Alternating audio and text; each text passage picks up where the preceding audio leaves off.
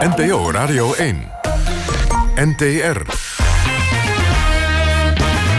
Kwesties met Marianne van den Anker en Rob Oudkerk. Vrienden van de Radio en hartelijk goedenavond en welkom bij weer een nieuwe aflevering van Kwesties, het live debatprogramma van de NTR hier op NPO Radio 1, waarin wij zoals iedere week actuele en brandende kwesties in Nederland bij de kop pakken. En u kunt meekijken met ons hier in de truck van Radio 1. En dat kan via de webcam van radio1.nl of via de app. En reageren kunt u ook, want die app staat open.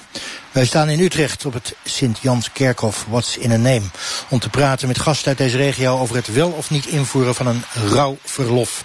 De SGP diende daar deze week een motie over in in de Kamer. Die haalde het niet. Maar dat betekent niet dat we er niet verder over gaan praten.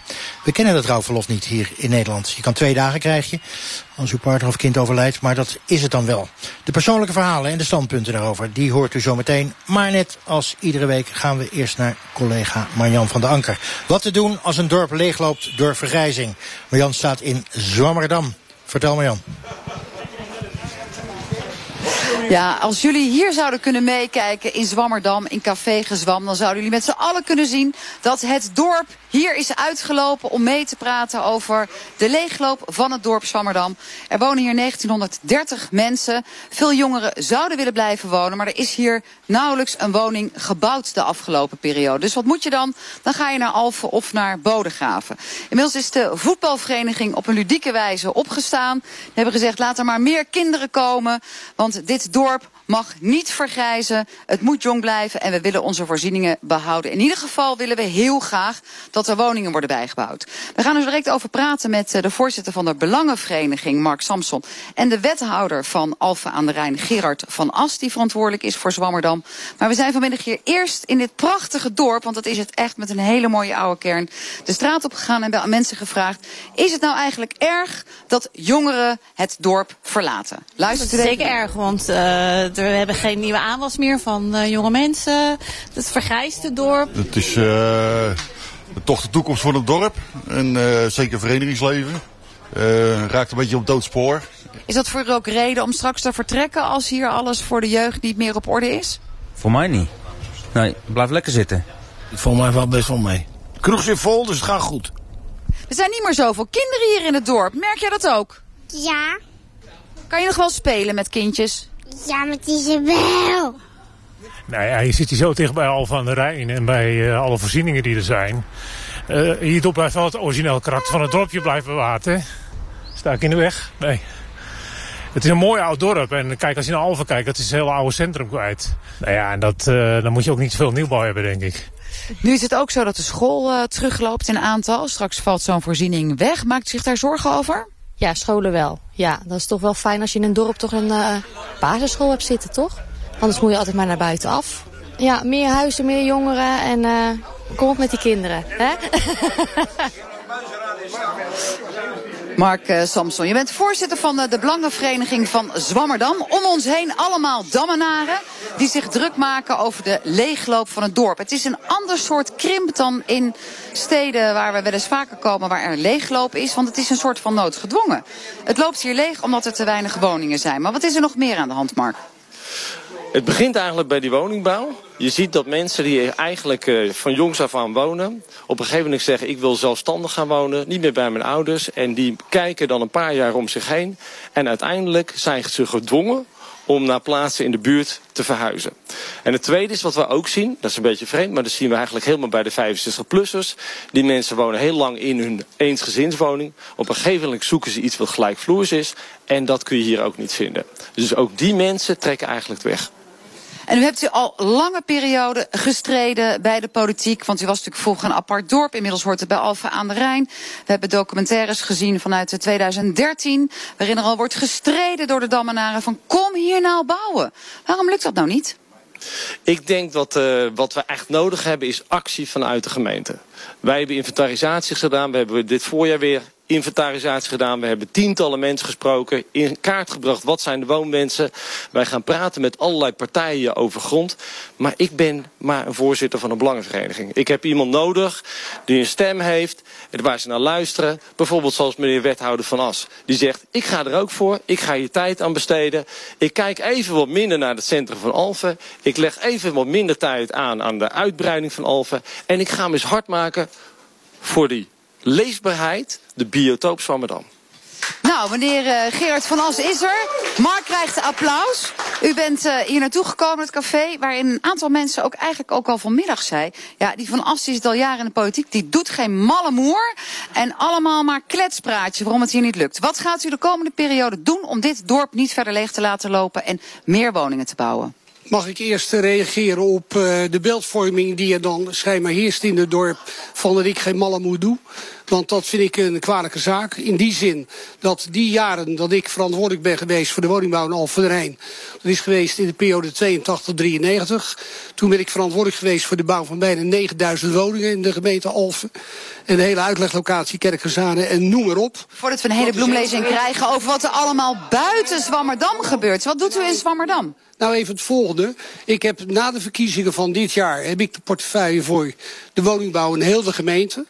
Ik had in het vorige college had ik de portefeuille alleen voor Alverstad en niet voor de kennen. Dat was bij mijn VVD-collega. Nog steeds hebben we geen antwoord. Wanneer wordt er gebouwd in Zwammerdam? En wat gaat u daaraan doen als wethouder? Wij hebben dus overleg met de, de heer Samson. En er is collectief uh, particulier ondergeverschap. Dat plan is ingediend. Daar gaan we aan meewerken. Dat is punt 1. Punt 2. Wij hebben aan de Buitendorpstraat. Er staan een drietal uh, locaties. Er staat een gymzaal. Er is de lokale school die nog in gebruik is. En er is een ander gebouw. Daar kan sowieso gebouwd worden. Ik heb opdracht gegeven om daar een bestemmingsplan voor te maken voor de woningbouw. Dat op het moment als de multifunctionele accommodatie aan de spoorlijn, als die gebouwd is en klaar is, dat bijna de volgende dag kunnen we daar beginnen. Dus Mark Samson, we zijn hier eigenlijk voor Piet-Jan Snot heen gekomen met Radio 1 en het radioprogramma Kwestie. Want het is allemaal al geregeld. Ja, de ruimte die meneer Van As beschrijft, die kennen wij uiteraard. Maar wij hebben nu te maken over een vraag die nu speelt. Die 70, 80 mensen. Wij hebben in kaart gebracht 80 tot 120 woningen die wij hier nodig. Anders dan degene die hier staan. Die hebben we niet nodig over drie, vier jaar waar de wethouder erover praat. Maar die hebben we eigenlijk nu nodig. En u wil daarvoor collectief particulier opdrachtgeverschap. Leg nog even uit wat dat is en waarom er dan morgen meteen huizen gaan komen staan. Dat is eigenlijk dat is wij het initiatief helemaal naar ons toe trekken. Wij gaan projectontwikkelaartjes spelen met de mensen die een huis zoeken. We gaan dus de vraag direct mappen aan het aanbod. Hè. Direct gewoon de mensen die een huis zoeken, die mensen bouwen ook het huis zelf. U gaat daarmee akkoord? Ik heb al gelijk gezegd toen hij met dat plan kwam dat wij eraan mee zouden werken. Dus dat is in de pijplijn gezet. En daar is uh, mijn ambtelijke organisatie heeft opdracht gekregen om daar aan te werken. Meneer Van As, waarom hebt u überhaupt geen normale projectontwikkelaars gevonden de afgelopen periode om hier de klus te klaren? Nou, wij hebben normale projectontwikkelaars. Dat gaat in eerste plaats om waar kun je bouwen in Zwammerdam. Dus waar heb je gronden? En de gemeente heeft natuurlijk hier buiten een vrachtwagenparkeerterreintje. Die als we dat gaan bebouwen met een x-aantal woningen moet je weer een vrachtwagenparkeerterrein compenseren. Dus dat is financieel lood om oud ijzer. Hebben wij verder niet gronden waar je zomaar kan bouwen. Want dat was natuurlijk Mark Samsom eerst het uh, verhaal hè, van de gemeente. Uh, we kunnen geen projectontwikkelaars krijgen. Daarom zegt u nu, we gaan het zelf wel doen. Maar er speelt ook nog iets anders dat de provincie heeft gezegd... er mag niet zoveel uitgebreid worden. Want het is wel het groene hart hier. Dat moeten we zo houden. Dus laat die kernen maar lekker klein blijven. Hoe gaat u dat varkentje wassen? Ik heb met mevrouw Bomlenstra van diezelfde provincie gesproken. In de aanloop van de verkiezingen. En die mevrouw zegt, wat jullie willen doen in Zwammerdam... dat is precies wat past in ons beleid. Jullie bouwen gewoon binnen die rode contouren. Dat is ook wat we zoeken. En binnen de rode contouren hebben wij hier ruimte zat. Er is een grote zorginstelling aan die kant van het, uh, van het dorp. Ipse de Brugge. Die zijn ruimte aan het vrijmaken voor huizen. En wat ik van de wethouder nodig heeft... is dat hij nu met Ipse de Brugge gaat praten... om te zorgen is dat ruimte die nu wordt gebruikt voor die zorginstelling... straks kan worden gebruikt voor, voor woningen van Dammenaren. En heeft u nu antwoord voor nodig. Meneer Van As. Nou, ook, ook die afspraken die zijn gemaakt en die lopen. En wij zitten daar in deze... maar lopende afspraken, is dat een toezegging? Is dat een ja? We praten over gronden die niet ons eigendom zijn. En als de instelling Ipsen de Brugge, die dat eerst niet zelf kan bepalen... als die nu uiteindelijk een handreiking doet... want ik ben in 2014 hier uh, wethouder geworden... toen hebben we ook al met die heer aan tafel gezeten... en de man die erover ging, die was plotseling na drie weken... Maar, was die er niet maar meer. u babbelt dan nee, natuurlijk heel veel. Wanneer gaat u het regelen? Ja, ik kan het niet regelen, want wij, wij, wij kunnen nu niks regelen. Zij moeten de knoop doorhakken. Nou, wat nu, Mark? Wat nu? Wat nu is eigenlijk, want ik zie, ik hoor wel heel veel praten. Ik hoor vrij veel, we zijn ermee bezig. Maar als meneer Van Ers net zoveel aandacht zou besteden aan Zwammerdam als aan de Gnephoek de afgelopen jaren, dan waren we hier al lang klaar geweest. Zwammerdam is natuurlijk wel een heel klein dorp met 1930 uh, inwoners. De inwoners hebben ook gezegd, we kunnen een politieke partij oprichten. We hebben nog steeds onze stem niet in de gemeenteraad. Het vergrijst je ook nog eens een keer. Er zijn te weinig kinderen om straks de voetbalvereniging nog van een elftal te kunnen voorzien. U kunt niet blijven praten en zeggen, ik ga praten, ik ga praten. Nee, maar zo moet je de zaak niet neerzetten. Want ik ga praten, ik ga praten. Ik hou helemaal niet van praten, ik hou van doen. Ik ben een doener. En de heer Samson weet als geen ander, hij is recentelijk nog bij mij geweest... hoe wij de zaak gaan aanvliegen. En dat weet hij ook. Maar hij gaat uh, ver vertellen over vorige jaren... waar ik gewoon niks mee kan. Maar u zat wel in de politiek, toch? Hier, u was ook wethouder in Alphen. U bent nog even in de Tweede Kamer geweest. Ik ben ooit geweest, in de periode 82-93. Dat is een hele lange tijd geleden. En ik ben nu weer vanaf 2014 wethouder. En alles wat ik oppak, daar, daar gebeurt wat. En dat weet de heer Samson net zo goed. Maar ik bedoel, ik laat me natuurlijk nu niet uitspelen over dingen waar ik geen vat op heb gehad. Maar kunt u begrijpen dat deze burgers zich in de steek gelaten voelen? Natuurlijk begrijp ik dat. Ik heb ook zelf initiatieven genomen. Recentelijk hebben we weer aan tafel gezeten om door te pakken. Dat is wat ik wil. Kroeg, Dammenaren, voelen jullie in de steek gelaten door de politiek of zeggen jullie we zijn nu juist gehoord? Nee. Ik hoor een handreiking. Ik, u hoort een handreiking? Ja, ik hoor heel duidelijk een handreiking van de heer Van Ast aan de Belangenvereniging. En ik denk dat we daaraan vast uh, moeten houden. En uh, ik weet niet of we nu nieuwe afspraken moeten maken. Uh, of dat we dat opnieuw moeten invullen. Maar goed, wat ik in ieder geval bespeur, en ik ben nooit bij die discussies geweest... is dat de heer Van Ast zegt, ja, nou goed, er zijn afspraken die lopen. Een aantal dingen moeten we verder in de gaten blijven houden. Maar goed, ik wil wel. Dus... Er is hier nog een oud gemeenteraadslid, daar loop ik eventjes naartoe. Staat helemaal achterop in de zon. U hebt ook heel lang in de gemeentepolitiek gezeten. En ook de belangen van Zwammerdam proberen te behartigen. Voelt u zich in de steek gelaten of hebt u zoiets met Van As hebben we de beste wethouder in town? Nou, in principe wat hij in Alphen doet, dat doet hij ongelooflijk goed. Laat ik dat vooropstellen. He, maar alle uh, signalen die vanuit de kleine kernen komen, die worden genegeerd. Ja, en daar, daar voel ik me echt bekocht door. Er is nog wel wat werk aan de winkel. Er zijn hier op dit moment vijf huizen te koop. En we spraken hier vanmiddag een aantal jongere mensen. Met name de mensen die gezinnetjes aan het starten zijn. En er is hier niets voor hen te vinden. Hoe kunt u hen op korte termijn de geruststelling geven? Wanneer kunnen ze hier iets gaan kopen? Ja, koopwoningen, dat is natuurlijk een zaak. Daar moet je grond voor hebben. En als gemeente hebben wij hier op dit moment geen gronden liggen. Dus de gemeente heeft geen grond. Als we grond zouden hebben waar we morgen kunnen bouwen... dan zitten we nog morgen aan tafel. Dat is het grote probleem juist. Dus wat wij in eigendom hebben, dat zijn voormalige schoolgebouwen. Er is er dus één van die, die tijdelijk in gebruik is van een aantal gebruikers in de Buitendorpstraat. Daar kunnen wij bij wijze van spreken, want ik heb nu opdracht gegeven om een kant-en-klaar bestemmingsplan te maken. Dat zodra die mensen mee verhuizen naar de MFA, dan kan die zaak tegen de grond, dan kan er gelijk worden gebouwd. En dat collectieve particuliere opdrachtgeverschap, uh, Mark Samson, dat, dat is door hoeveel mensen morgen uh, opeisbaar? Daar zijn we nu mee bezig. We zijn nu mee bezig met die, zeg maar de eigenaar van die grond... om met tien mensen daar te bouwen wat zij zoeken. Maar die tien is eigenlijk een begin om te laten zien dat het hier kan. Dat het hier kan en dat er hoop is in dit dorp. En dat is een van de belangrijkste redenen waarom het dorp. Mensen willen weer een lichtpunt zien. Mensen zoeken eigenlijk een toekomst in het dorp. Als ik hier praat, ik kom bij de voetbal, ik kom overal. Al die mensen willen hier gewoon blijven. Nou, dat hebben wij vanmiddag ook gemerkt. Ook jonge mensen. En de bakker is er al niet meer. De voorzieningen zijn er al niet meer. De school loopt leeg. Oh nee, de bakker was er wel. De bakker was er als enige wel. Geen supermarkt meer, dat was het enige. En het is wel zo dat ook de school natuurlijk uh, uh, binnenkort weer meer kinderen nodig heeft. Dus vandaar dat het heel leuk was dat de voetbalvereniging heeft gezegd... wij maken rompers en we hebben het hier over Zwangerdam in plaats van over Zwammerdam. Wij gaan eruit. Dank jullie wel, dank jullie wel. Gezwam, kroeg hier, dank jullie wel mensen. Terug naar jou Rob. Dankjewel Marianne. En uh, je krijgt een uh, welverdiend applaus geloof ik. Althans, dat is voor de burgers van Zwangerdam zelf. Kom maar uit. Want uh, als je een kind krijgt, dan heb je recht op zwangerschapsverlof. Dat vinden we allemaal heel normaal. maar wat als je geliefde nou overlijdt of je kind? Een rouwverlof. Dat is niet wettelijk geregeld hier in Nederland. Maar dat wou de SGP wel deze week. Diende daar een motie over in. Die werd niet aangenomen. En dit was de reactie van minister Wouter Koolmees. En uit onderzoek is gebleken dat rouw voor iedereen anders is en voor iedereen anders wordt beleefd. De een wil uh, snel het dagelijks leven weer oppakken en de ander is hiertoe langdurig niet in staat. En het blijkt uit onderzoek dat het vooral belangrijk is dat de betrokkenen de ruimte krijgt om te rouwen en begrip en ondersteuning van zijn werkomgeving krijgt.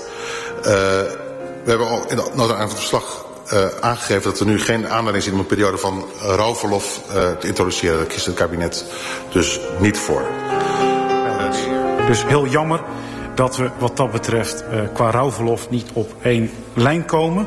En ik heb ik daarom dan toch een motie in moet dienen. En die luidt als volgt. De Kamer, gehoord de beraad, constaterende dat de wet in tegenstelling tot de uitgebreide regeling voor verlof na de geboorte geen regeling kent voor verlof na de uitvaart, verzoekt de regering een voorstel uit te werken voor een regeling voor rouwverlof en gaat over tot de orde van de dag. Wordt de indiening van deze motie in voldoende mate ondersteund? Dat is het geval, dan maakt ze onderdeel uit van de beraadslaging. En die motie, ik zei het net al, die is deze week verworpen, terecht of niet. Dat er voorlopig geen rouwverlof komt in Nederland. Daar gaan we het uh, vanavond hier in Hartje Utrecht over hebben. Op dit moment heb je twee dagen vrij via het zogenaamde calamiteitenverlof. Ik kan het ook niet helpen dat het zo heet. Maar het opmerkelijk is dat weduwen en weduwnaars met jonge kinderen zich gemiddeld zo'n 170 dagen ziek melden na het overlijden van hun partner. 170 dagen. Toen ik het las, toen dacht ik ook, is dat niet heel veel? En een kwart van de mensen die hun partner verliezen keert überhaupt niet meer terug op het werk. Moeten we dan in Nederland daar niet iets voor regelen, is de vraag. En als we het moeten regelen, moet de politiek dat dan doen? Moet de werkgever dat doen? Of juist de werknemer? Hier in Utrecht hebben we mensen die zich er professioneel mee bezighouden. Mensen uit het bedrijfsleven, maar natuurlijk ook, zoals gebruikelijk, de ervaringsdeskundigen. Mensen die vanuit hun eigen ervaringen ook over oplossingen kunnen praten. Steven Punt, ik begin bij jou. Uh, 5 april 2016 gebeurde er toen. Ja, toen overleed uh, mijn vrouw op 27-jarige leeftijd. Uh, bleef achter met twee kleine kinderen in de leeftijd van 2,5 en uh, nou, net één dag zes. Uh, ja, toen had ik een wereld waarvan ik geen idee had dat die überhaupt bestond. En al helemaal niet waar ik me op dat moment uh, in die leeftijdscategorie mee bezig hield. En hoe deal je daar dan mee? Ja, niet. Niet? Daar kun je niet mee dealen. Nee, je gaat op een gegeven moment, tenminste ik ging na een week of zes, zeven ging weer aan het werk. Uh, ik behoor dus inderdaad tot de categorie snel weer aan het werk gaande. En laten we het leven gewoon zo snel mogelijk oppakken. Uh, ik moet er ook bij vertellen dat mijn vrouw uh, leed aan eierstokkanker. Waardoor op een gegeven moment natuurlijk het vooruitzicht ook slecht was. Dus wij konden ons ook ergens wel op gaan voorbereiden. Alleen, ja, die klap die komt toch een keer terug. En voor mij kwam die acht, negen maanden later. Je bent na zes, zeven weken weer aan het werk gegaan. En acht, negen maanden later komt die klap. En wat gebeurt er ja. dan? Dan meld je je ziek? Ja, de feestdagen stond, ja, waren net achter de rug. Uh, eigenlijk bijna alles voor het eerst meegemaakt. Alleen met de kinderen.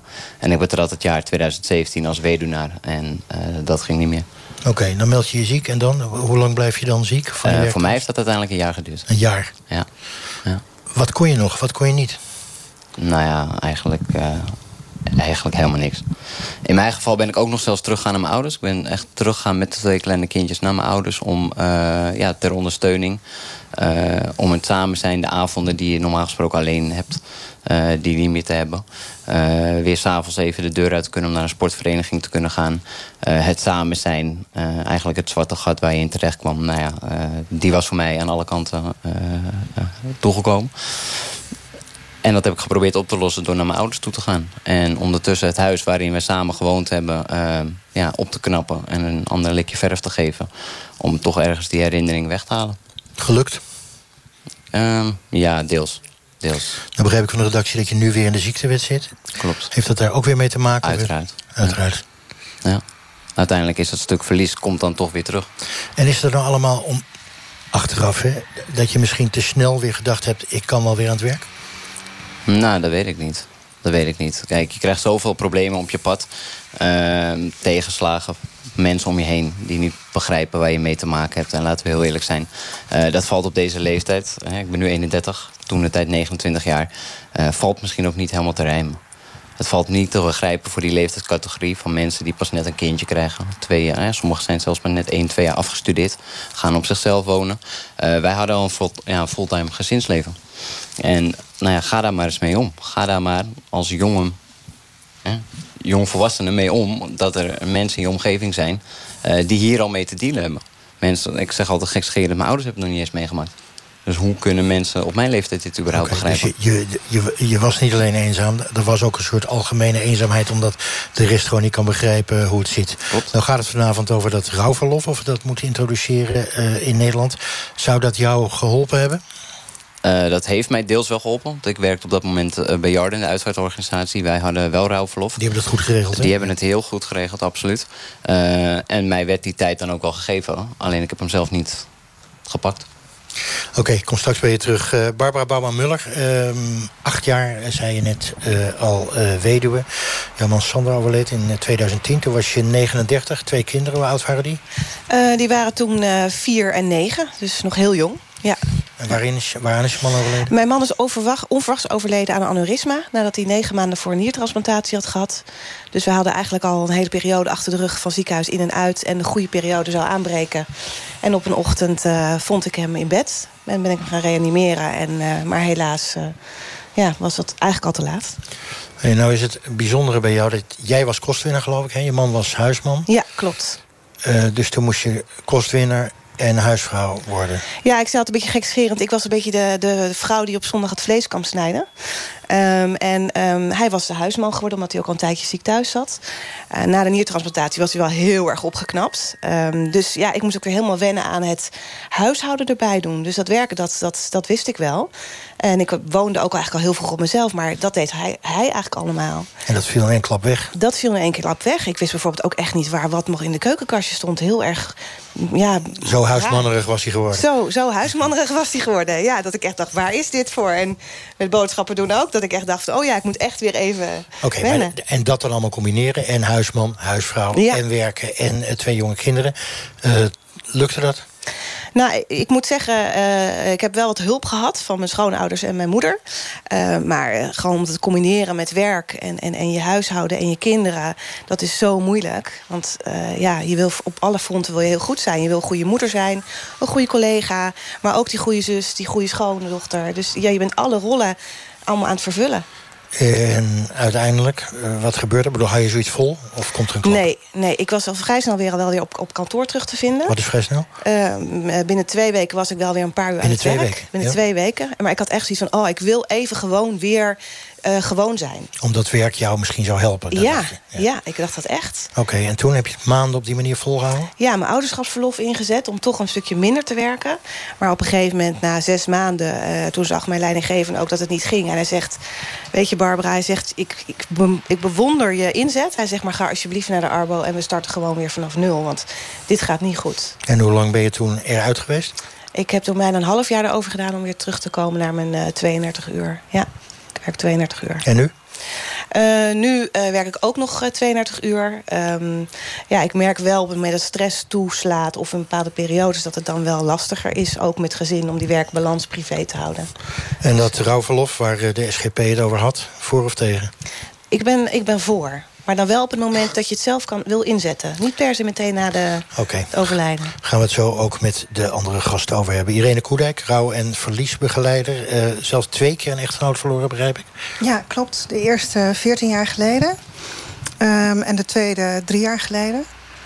Ehm, toen mijn eerste man overleed had ik een, een, zoon. Die was net twee geworden, dus dat was heel lastig. Hè. Wat uh, Barbara vertelt, dat herken ik wel uh, heel erg. Um, ik ben ook weer uh, direct eigenlijk aan het werk gegaan. En na verloop van tijd... Waar, waarom doe je dat direct weer aan het werk? Omdat je denkt, ik moet afleiding hebben? Het geeft structuur. Ja, het geeft structuur. En ik vond dat heel fijn. En het gaf ook afleiding. Dat heb je ook nodig. Want je wereld wordt heel klein. En uh, ja, ik ben er ook heel hard tegenaan gelopen. Dus ik ben minder gaan werken. Op een gegeven moment terug naar drie dagen. Want ik werkte altijd fulltime. Um, en na, mijn, na het overlijden van mijn tweede man heb ik het eigenlijk heel anders gedaan. Toen ben ik uh, de dag na de uitvaart weer gaan werken. Een beetje extreem, denk ik nu. Achteraf spijt van? Nee, want ik, ik heb wel een heel warm bad gekregen van mijn collega's. Um, alleen ik ben heel hard blijven werken. En na anderhalf jaar uh, ben ik onderuit gegaan. En ik ben dus ook niet meer teruggekomen. Nou, nog ben je er gewoon mee gestopt? Ja, we zijn uh, in goed overleg uit elkaar gegaan. Zo heet dat, geloof ik. Ja, mooie, mooie ja. uitdrukking. En nu ben je rouw- en verliesbegeleider. Is dat nou gekomen uit het feit dat je twee keer een uh, geliefde hebt verloren? Of, of zou je ja. sowieso geworden zijn? Nee, ik zou het anders niet geworden zijn. Ik wist niet eens van bestaan af. En is dat ook een soort compensatie, dat je dat kan zijn? Ook voor jezelf bedoel ik? Nee, het is geen compensatie. Wat ik wel zoek is betekenis geven aan wat ik heb meegemaakt. Um, en ik heb jarenlang uh, als HR-manager gewerkt. Dus die kant uh, zit er ook in. Um, en mensen komen automatisch naar mij toe met hun verhalen. Uh, ik dacht, ja, waarom zou ik daar niet mijn brood van gaan maken? Al dus heb je gedaan. Dat heeft uh, George Nijnhuis ook gedaan, rouwdeskundige. Al 18 jaar, uh, vertelde je net. Psychosociale begeleiding, consultancy, hè, dat geloof ik zelfs ja, met mooi. Hey, en hoe, hoe ingrijpend is zo'n rouwproces natuurlijk voor iedereen iets anders. Ja. Maar hoe ingrijpend is het? Heel ingrijpend. Het is 24-7. Het kent geen spoorboekje. Het is er wel, het is er niet. Het is een, een, een wisseling tussen uh, aan de ene kant bezig zijn met verliesoriëntatie... en aan de andere kant bezig zijn met herstel. Het leven weer oppakken. Wat in de volksmond zo mooi uh, het een plekje geven wordt genoemd. Nou, ik ben dik, denk ik, 18 jaar met dit onderwerp bezig. Ik weet nog steeds niet hoe het is om het een plekje te geven. Dat mensen het een plekje kunnen geven. Ik praat liever over dat het adert in je leven als marmer. Het, het, is er soms heel sterk en soms heel weinig. Maar wat je in boekjes leest is een normaal rouwproces... dat van al die boeken duurt ongeveer anderhalf jaar en that's it. Nee, dat kun je niet zo zeggen. Dus er staat fout in die boeken? Nou ja, uh, uh, um, er wordt, je hebt een volkswijsheid op zijn minst vier seizoenen. Uh, verlies kan ook cumuleren. Hè, dus op het moment als je gewoon nou, dus, meerdere verliezen achter elkaar... hoe jong iemand is, hoe je sociale netwerk is... hoe je zelf in het leven staat. ik heb ook mensen gesproken waarvan ik denk... nou, dat, dat ik weet niet hoe je hier overheen moet komen. Maar die vinden op een andere manier een stuk zingeving. Veranderen vaak ook wel veel in hun leven. Maar komen er toch doorheen. Dus het, je kan niet, het is niet een één op één. Het, je, hebt, je hebt niet één pakket waar je aan moet voldoen. Nou heb je net uh, drie verschillende mensen gehoord... die ja. allemaal op hun eigen manier ermee zijn omgegaan. Ja. Dat ten eerste. Maar ook hun werkgever. Hè, in goede omstandigheden ja. uit elkaar, uh, hoor ik net. Een ander zegt weer, ja, ik ben eerst naar mijn werk gegaan... en toen kon het niet meer en toen weer niet. Um, is dit een kwestie die eigenlijk geregeld moet worden... tussen werknemer en werkgever? Uh, ik vind dat een werkgever en een werknemer in gesprek moet gaan... maar niet wettelijk moet regelen. Dus je bent tegen een ja. wettelijk rouwverlof? Ja. Omdat ik me afvraag, wanneer ga je het inzetten? Om wie mag je rouwen? Uh, wanneer kun je dat dan? Het, je kan niet zeggen na de uitvaart twee weken. En het gevaar daarin is volgens mij... dat mensen dan ook zeggen... oké, okay, je hebt je rouwverlof gehad vind je erachter en we zijn klaar. En zo zit het leven niet in elkaar. Nou, zei Barbara, ik ben er een voorstander van... maar dan wel op het moment dat ik het zelf mag kiezen. Dus niet meteen na het overlijden twee weken of vier maanden... of wat ook de periode mm -hmm. zal zijn, maar wanneer het nodig is. Maar twee weken achter elkaar mag je dat per dag opnemen. En dat, ja, ik, ik, ben er geen, ik ben erg voorstander en ik heb ook gezien dat dat werkt. Dat het ook helpt dat het zowel voor de werkgever werkt... maar ook voor de werknemer werkt. Op het moment dat je het gesprek met elkaar aangaat... van een privégebeurtenis en welke effecten heeft dat nu op het werk. Daar moet je naar kijken. Maar uh, toch nog even daarop door. Dat snap ik. Nou heb je hele goede werkgevers. Ja. Een hele goede werknemers. En die komen er ongetwijfeld samen wel uit. Ik herinner me die, dat gedoe over eh, roken. Hè. We komen er samen wel uit. Nou, dat is nooit gebeurd. Daar hebben we toch wettelijke maatregelen voor nodig gehad. Geldt dat misschien niet hier ook? Dat je werkgevers die wat meer onwillend zijn... dat je die met behulp van wetgeving die kant uit kan douwen? Ik ben in al die jaren nog wel eens een keer een onwillige uh, werkgever tegengekomen. Maar op het moment dat je het gesprek aangaat en benoemt wat er is... Ik heb onderzoek gedaan naar de effectiviteit van rouw. Uh, de werkgevers die daaraan uh, deelnamen... en dat, dat ging men kon gewoon gebruik maken van. Dus het was niet zo dat, dat die mensen sowieso een rouwbegeleiding zouden inzetten. Uh, iedere werkgever was bereid om aanpassing in taken te doen. Ik uh, snap dat. Nog even over dat werk we hoorden net drie mensen zeggen... ja, uh, dat viel tegen of dat viel mee. Ja. Of soms is het juist fijn, hè, krijg je steun van collega's. Uh, ziekteverzuim, uh, meldt het CBS, is het hoogste cijfer sinds jaren. 4,9 procent. Duidt dat er niet op, dat is meer in het algemeen... Hè, duidt dat er niet op dat het tussen werkgever en werknemer... niet altijd um, botert? Want waarom zou je zo'n hoog ziekteverzuim hebben anders? Nou, dat heeft vooral te maken met psychisch verzuim... en hoe we in het leven omgaan met werk en arbeid. Of met, met werk en privé, hoe die balans is. En welke druk we ons zelf ook opleggen. Dus het is altijd belangrijk om gezamenlijk te bekijken... wat is nu het effect van jouw situatie op het werk? En hoe kun je daarmee omgaan? Hoe zou je op een andere manier daarmee om kunnen gaan? We gaan er zo verder over praten. U luistert om bijna vier over half negen naar Kwesties, het debatprogramma op NPO Radio 1. En we staan hier vanavond in Utrecht. Hoe gaan werknemers en werkgevers die hun partner verliezen, werknemers dan, om met in de rouw zijn en zou er een wettelijk rouwverbod moeten komen? En u weet het van ons, wij vragen het altijd weer even aan de mensen op straat hier in Utrecht of rouw een moeilijk bespreekbaar onderwerp is op het werk. Rouw is altijd een gevoelig onderwerp. Het is niet moeilijk bespreekbaar op het werk. Maar op het werk ben je met andere dingen bezig. Maar werktijd is er dat altijd wel ruimte. Maar onder werktijd is het gewoon moeilijk. En niet iedereen is ervan verdiend. Moet je ook rekening houden. In mijn ervaring is het geen moeilijk onderwerp. Maar dat komt omdat ik heel veel onderwerpen gewoon ter sprake breng. En, uh, maar ik kan me wel voorstellen dat het voor andere mensen een moeilijker onderwerp is. Uh, omdat rouw aan zich wordt soms ook best wel ondermijnd. Uh, wordt vaak ook wel een beetje aan de kant geschoven. Het is ook denk ik de reden waarom jullie het nu aankaarten. Dus er zal wel iets spelen. Uh, dus ik kan me wel voorstellen dat mensen daar moeite mee hebben. Dus Nijhuis, kom nog even bij jou terug. Je geeft ook workshops hè, hierover. Mm -hmm. Om dat onderwerp op het je werk te bespreken. Zijn mensen daar nou makkelijk in om dat op hun werk te bespreken... of vinden ze het razend moeilijk? Uh, ik denk dat verschillende partijen het soms heel moeilijk vinden. De werknemer, maar ook de leidinggevende, maar ook de collega. Waarom? Omdat het... Uh, mensen soms bang voor zijn voor emoties. Men wil het graag oplossen. En het probleem is niet op te lossen. Er is rouw, dus er is verdriet. Er is een verlies geleden. Uh, en door uh, leidinggevende vooral uh, het landschap van rouw te laten zien. Van hoe ziet dat er nou uit en wat zijn nou de dingen die je kunt vragen. En geef vooral ook de werknemer de gelegenheid om die dingen te delen die, die hij of zij wil delen.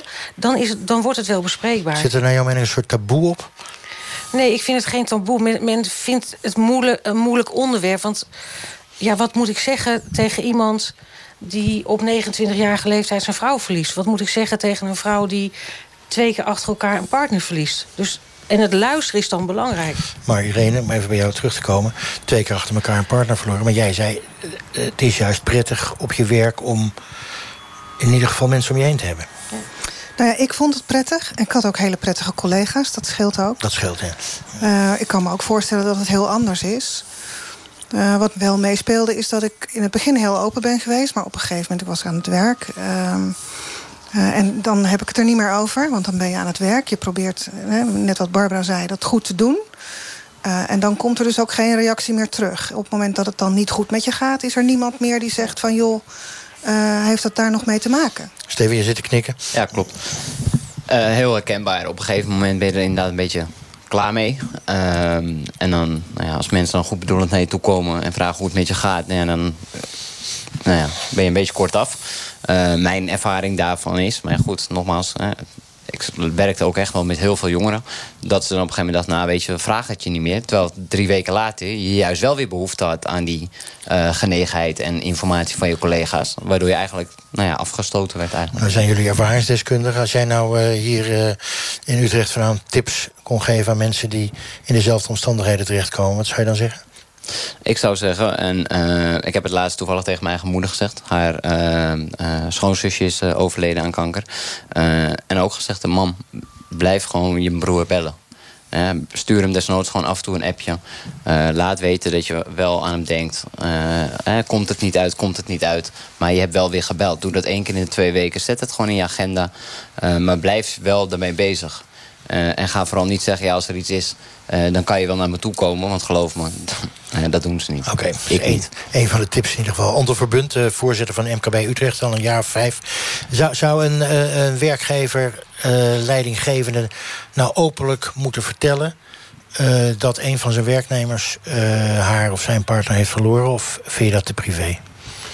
Um, dat hangt van de situatie af. Ik denk dat er uh, hoe dan ook altijd eerst overleg met uh, de medewerker over zal moeten zijn. Um, dat zijn dingen die, uh, die je gewoon altijd in maatwerk doet. Als een werkgever nou een beetje een besodemieterde relatie met zijn werknemer heeft. Dat kan. Ja. Zonder dat er iets aan de hand is. En dan gebeurt er zoiets. Dat is lastig, lijkt me. Um, er zijn natuurlijk altijd negatieve voorbeelden op alle onderwerpen te verzinnen. Ja, ja. Maar eh, in redelijkheid praten, denk ik ook heb je een slechte relatie met iemand. Iedereen begrijpt dat bepaalde dingen, eh, die wil je gewoon niet. Klaar.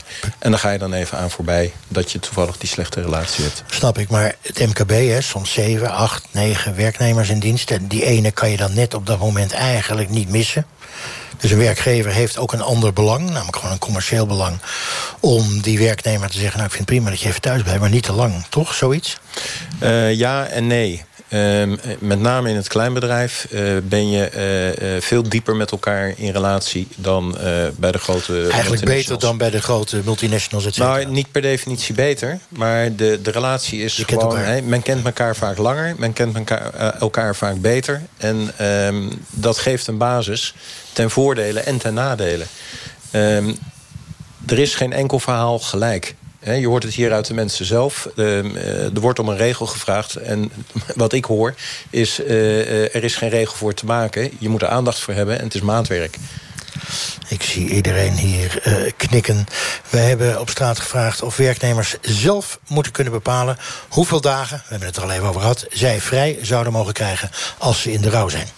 Oneens, denk ik. Het is, ik vind het lastig, want aan de ene kant...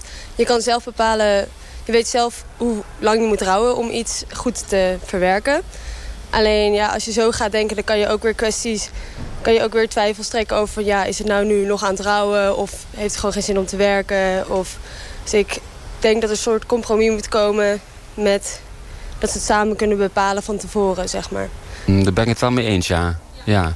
Want nu, nu is het twee dagen blijkbaar, dus het is veel te kort. En uh, per persoon is het ook verschillend, denk ik. Ik denk dat een goed overleg met je chef moet je eigenlijk bepalen... van hoe lang iemand dan zeg maar, afwezig kan zijn om, het, om dat rouwproces door te gaan. Dus ja. Nee, ben ik het niet mee eens.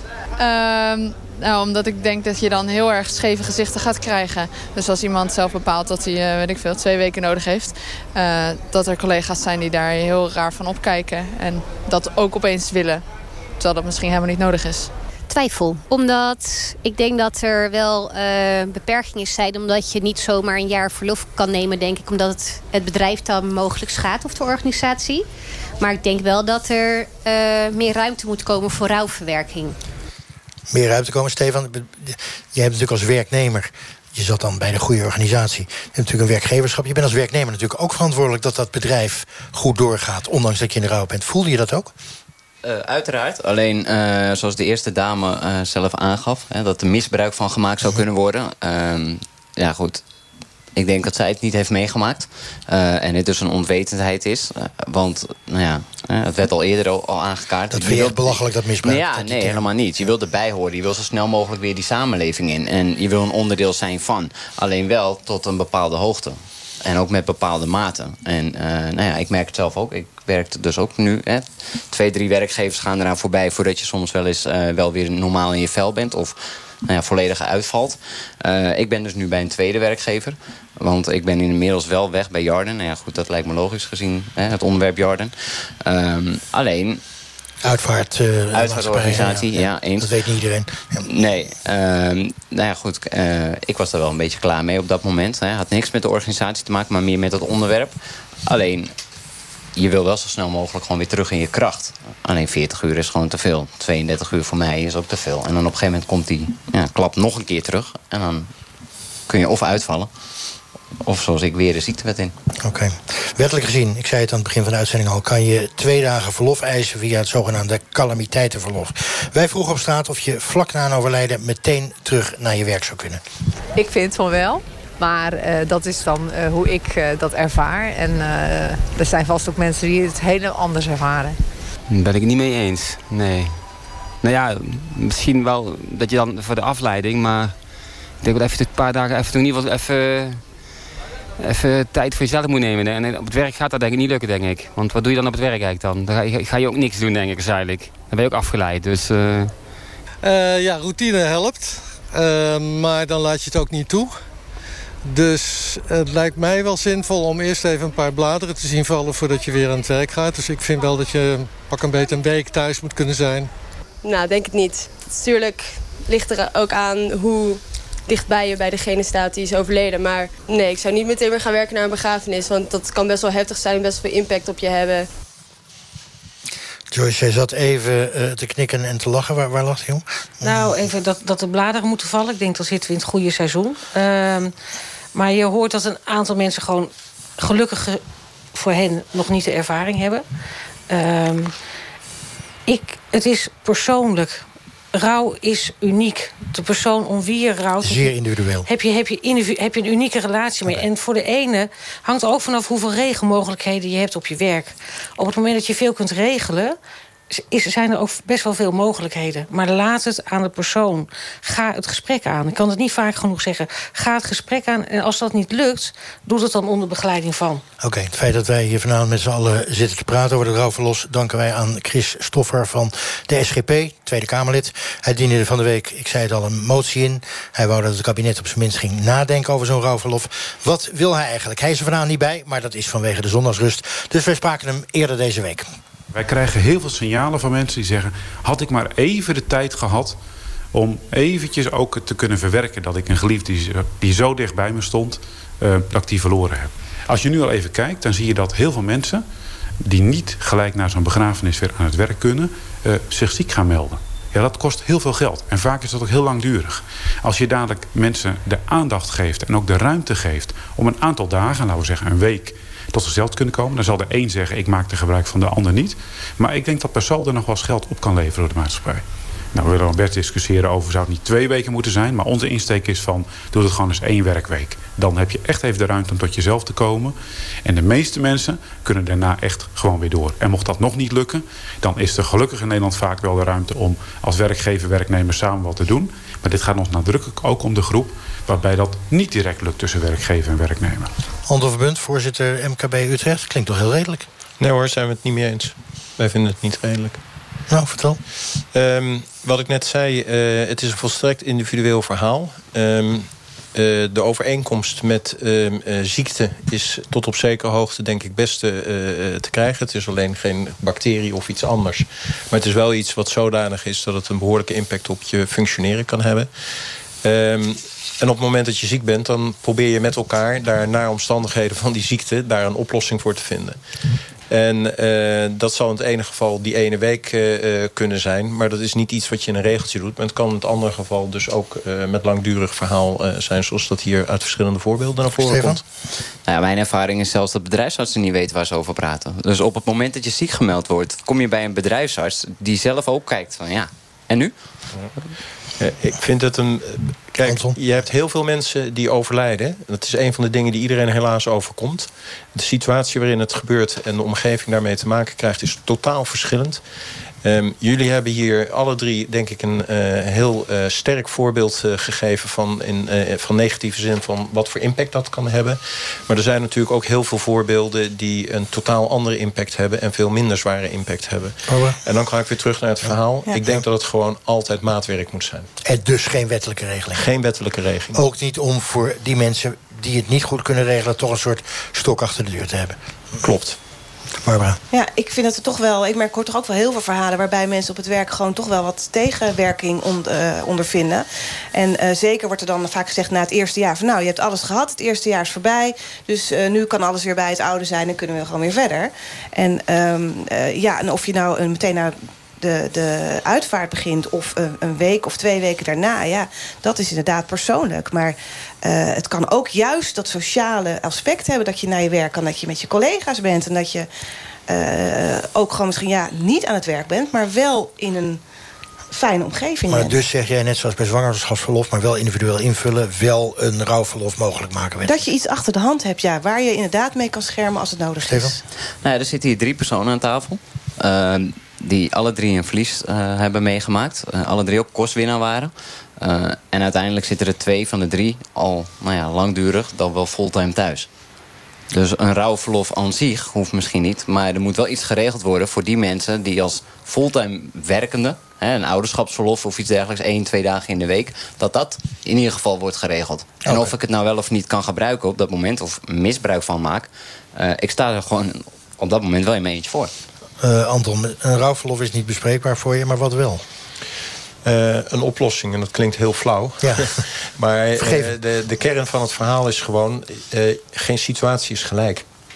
En dat betekent dat je het gewoon de aandacht moet kunnen geven... die het moet hebben. En uh, er zullen situaties zijn uh, waar aan beide kanten van de tafel misbruik uh, gemaakt kan worden. Dat kun je niet voorkomen, dat blijft zo. Ik denk dat in alle tijden het maatwerk beter werkt dan die ene regel... die in heel veel gevallen niet nodig is. En in de andere gevallen misschien te weinig is voor wat het eigenlijk zou moeten brengen. Eerst Irene, dan Steven. Ja, ik, ik ben het wel met jou eens... Um, maar ik denk dat er inderdaad een heel groot gebrek aan kennis is bij arboartsen. En dat is wel. Daar zit dus wel een probleem. Daar zit een probleem. Als dat beter zou zijn, als daar meer kennis zou zijn en meer aandacht zou zijn, zou er al een heel stuk ondervangen kunnen worden. Joyce? Ik ben het eens. Uh, maar rouw is niet altijd ziekte. Je hebt minder mogelijkheden, maar dat wil nog niet zeggen dat je ziek bent. Dus daarom. Ja, maar je dus, kunt wel arbeidsongeschikt zijn. Ja, maar een arts zal in eerste instantie medisch kijken. En rouw is in principe, tenzij het een gecompliceerde of een stagnerende rouw is... dan, dan komt er een ziektebeeld. Hè. De DSM-5 heeft daar uitspraken, uh, doet daar uitspraken over. Psychiatrisch handboek. Ja, ja psychiatrisch handboek, sorry. Uh, rouw aan zich is, ziet, wordt als, door de gemiddelde bedrijfsarts inderdaad niet als ziekte gezien. En geloof mij, ik doe zoveel mogelijk ook in een stukje educatie... ook naar bedrijfsartsen toe. Maar een bedrijfsarts zal altijd eerst vanuit de medische kant kijken. En dan is er geen sprake van ziekte. Oké, okay, maar goed, niet als ziekte dan. Maar dan zou je zeggen, rouwverlof in welke vorm dan ook. En ga, ik ben het eens met, uh, met Anton. Uh, ga, het, ja. ga, het regelen, ga het regelen met elkaar. Ga het regelen met elkaar. Maar, zeg ik dan weer op mijn beurt... prima, daar waar het geregeld kan worden. Maar nou je 10% over, of 5%, maakt me niet uit hoeveel... die kunnen het niet regelen. Wat doe je dan voor die mensen? Uh, ik denk, ja, uh, dat is misschien ook een flauwe oplossing. Maar aan de andere kant denk ik ook... Uh, moet je afvragen of dat je bij zo'n werkgever wil werken. Dus kijk ook even, kijk niet alleen naar het salaris wat een werkgever biedt... maar kijk ook even naar, naar de sociale kant. Steven? Nou ja, het zwangerschapsverlof. Um, eh, trek hem je terug. Waarom kan het daarin wel en waarom kan het dan met rouw niet? En waarom kun je dat dan niet zelf op een bepaalde periode gebruik van maken? Goed. Um, Omdat zwangerschapsverlof uh, geen uh, uh, doel heeft om iets te verwerken. Dat heeft een doel om een andere situatie die ontstaan is in je fysieke omstandigheden. Maar het om daar aandacht voor te geven. Barbara? Ja, het vaderschapsverlof dan. Dat is ook een stukje helpen bij een, een andere situatie. In een rouwverlof moet je ook jezelf helpen en je gezin helpen om ja. weer alles op de rit te krijgen. Mannen en vrouwen zijn gelijk, hè? Ja. Ja, maar bij het zwangerschapsverlof, dat is wat ik eigenlijk bedoel te zeggen... is dat je bij het zwangerschapsverlof toch echt gewoon een bepaalde periode krijgt... om te wennen aan een nieuwe situatie. Ja. En ik ben ook aan een nieuwe situatie. Er is misschien een andere reden waarom het uh, niet haalbaar is. En dat is zoals altijd, we merken het iedere week, uh, geld. En dit is wat SGP-Kamerlid Christoffer te zeggen had. Is zijn plan voor een rouwverlof überhaupt betaalbaar? Dat vroegen we meer deze week. Juist. Daar moet de regering daar ook een standpunt in nemen... dat dat, dat belastingtechnisch op een, een of andere manier uh, teruggedraaid kan worden. Maar als je een middenstander bent en je hebt maar één verkoper in dienst... dan houdt het op. Wie... Uh, nou, even, Anton. Um, ik zat over die 170 dagen bij mijn introductie. Uh, 170 dagen melden mensen zich ziek, gemiddeld. Dat zijn er soms natuurlijk 10 dagen en soms weer meer. Maar dat is links of rechtsom. Heb je dus schade als bedrijf daarvan? Nou, ik vind die 170 dagen vind ik een bijzonder getal. Um, is dit voor mensen die een uh, partner verliezen?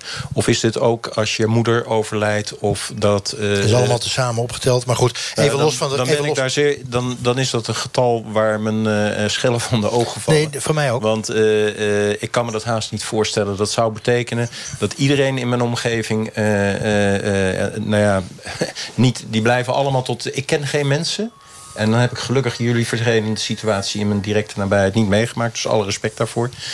Um, uh, maar ik heb dit nog nooit meegemaakt. En uh, 170 dagen, dat is een... een nou, okay. ik denk drie kwart jaar. Ga ik even niet met je discussiëren over dat getal. Laat ik het dan uh, vaag houden. Laat ik het niet op een getal zetten. Maar mensen we hebben het net gehoord in de uitzending... blijven gewoon een aantal dagen, soms weken, soms maanden... van hun werk weg. Ja. Dat kost je sowieso geld. Ja. Dat kost sowieso ellende. Kan je dat dan niet beter, met welke regeling dan ook... rouwverlof wettelijk of iets anders...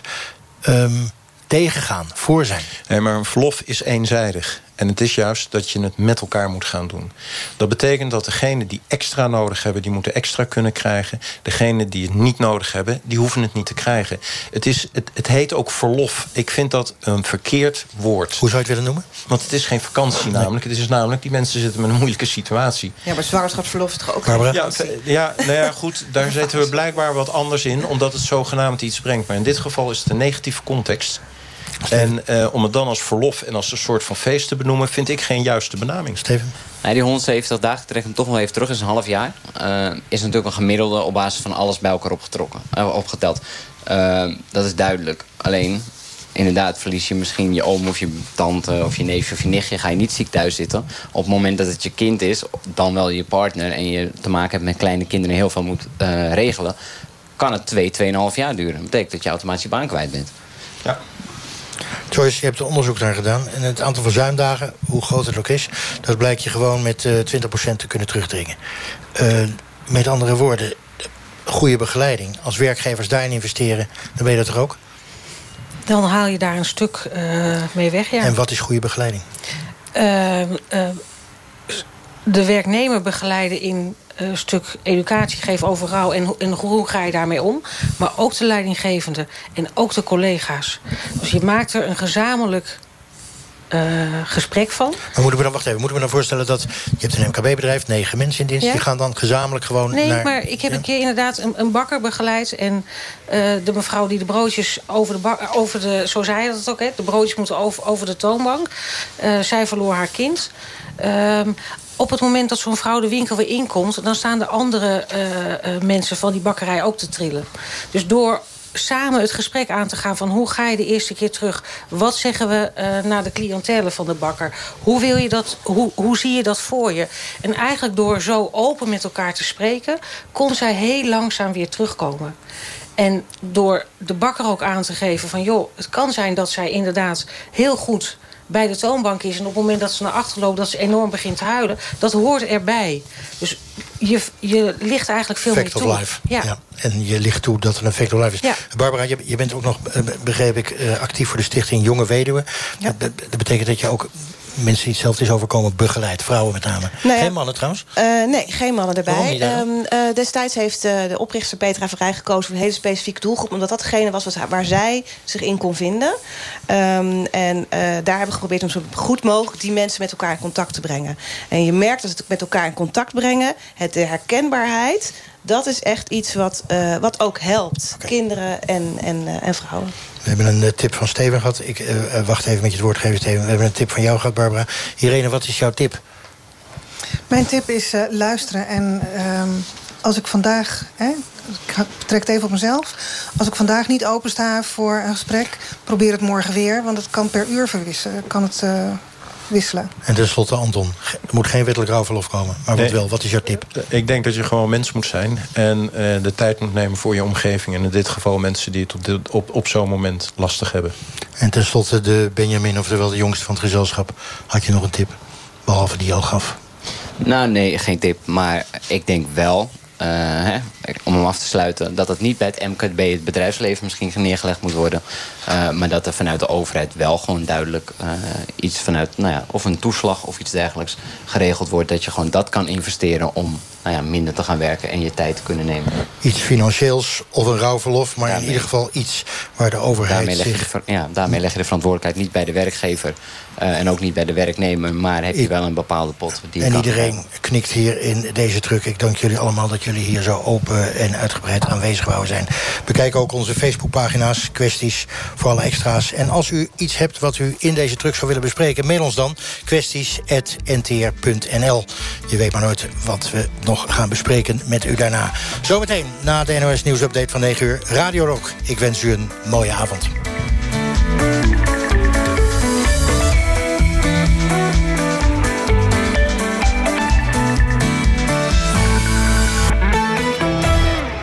Aardbeving gevolgd door een tsunami eist op het eiland Sulawesi meer dan duizend doden. Tot anderhalf miljoen mensen hebben dringend hulp nodig. De samenwerkende organisaties slaan de handen ineen. Red levens. Geef voor drinkwater, medicijnen en onderdak op Giro 555. Het is me wat hoor, die kunst. In het Cobra Museum bij de tentoonstelling Een ontembare kracht... over hoe kinderen kunstenaars inspireren. En u kunt er ook het kind in uzelf ontdekken. Lijkt me heel verstandig. Moet je wel je schoenen uitdoen. De beste prijs voor nieuwe kozijnen bereken je nu zelf bij Creon met een C. Opmeten, online invullen, prijs! Creon Kozijnen. Voor het derde jaar op rij de beste apotheken van Nederland. Service Apotheek. Gedreven door gezondheid. Voor een locatie bij u in de buurt? Kijk op serviceapotheek.nl. Als je goed zorgt voor waar je van houdt, verzeker je je thuis tegen inbraak. Als je je thuis verzekert tegen inbraak, ga je met een gerust hart van huis. Focus op wat echt belangrijk is. Met de woonverzekeringen van Interpolis. Je spullen en huis goed verzekerd tegen inbraak, brand en waterschade. Sluit nu je woonverzekeringen af via rabobank.nl of de Rabobank Kieren-app. En ontvang 20% korting. Interpolis. Glashelder. Alles wat NPO te bieden heeft, vind je op NPO Start. Zoals gemiste programma's terugkijken. Goedenavond, dit is de Wereld Door van maandag. Maar dan op dinsdag of woensdag. Start de wereld draait door wanneer het jou uitkomt. Ga naar npostart.nl of download de app en start. NPO Radio 1.